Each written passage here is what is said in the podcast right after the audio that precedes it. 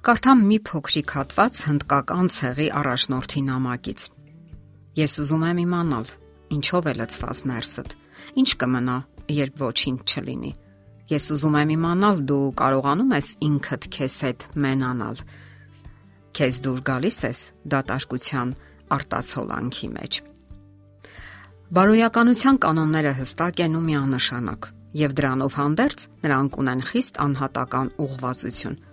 Ամեն մեկը բարոյականության մասին ունի իր անհատական մոտեցումները։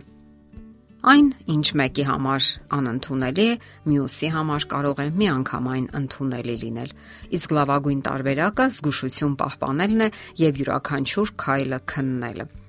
Երիտասարդները սիրում են շփվել։ Սիրում են ուրախ, անկաշկանդ ու թեթև հարաբերություններ։ Դա միանգամայն բնականon է եւ հասկանալի։ Հարցն այն է, որ որքան էլ փոխվեն ժամանակները, չեն փոխվում մարդկային բարոյականության կանոնները։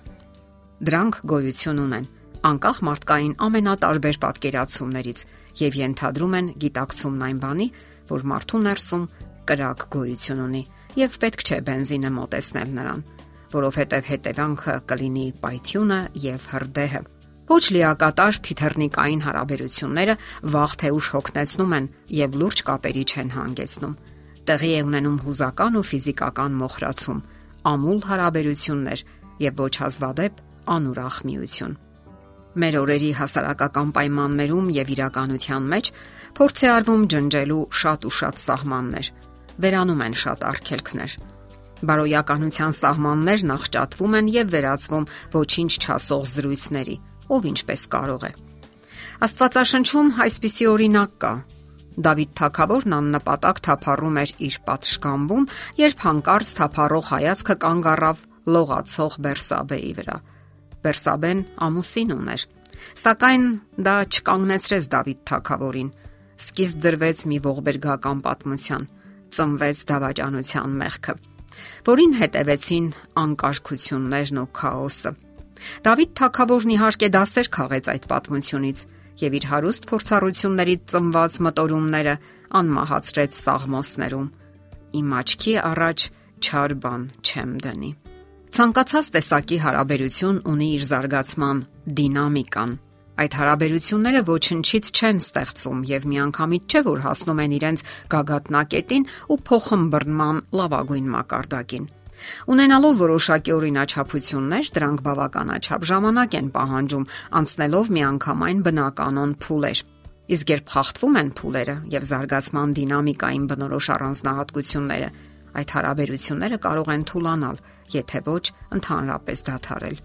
Այս բոլորը միանգամայն ճշմարտացի ձևով վերաբերում է նաև երիտասարդական հարաբերություններին, որոնք միտված են ամուսնությանը։ Ամուսնական հարաբերություններն իրենք իրենց չեն ստեղծվում։ Դրանց հիմքում նախամուսնական հարաբերություններն են։ Իսկ ինչպես են կառուցվում դրանք։ Այնինչ դնում է հիմքում, սահմանում է հարաբերությունների ընթացքը եւ նույնիսկ ավարտը։ Բոլոր ժամանակներում երիտասարդները հավակնել են նորին ու առաջադեմին, սակայն դա չի կարող նշանակել, որ հարկավոր է քանդել հնի լավն ու կարևորը, բարոյականն ու առաքինին Դա նշանակում է հավատարիմ մնալ սիրո բարձր սկզբունքներին,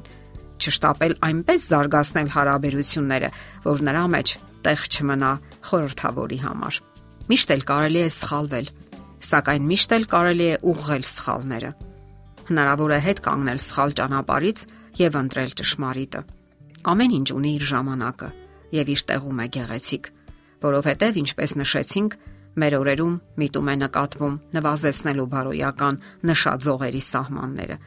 Իսկ մինչ այդ ճիշտ հարաբերություններ կառուցեք, հասկացեք միմյանց, մտորեք միմյանց հետ, քայլեք միասին, կերտեք ձեր ապագան։ Իսկ երբ գա պահը, կհասկանաք, որ իզուր չէին ձեր ջանքերը,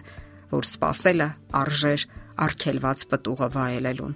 Պարզապես պետք չէ շտապել։ Սերը հաճելի ժամանց չէ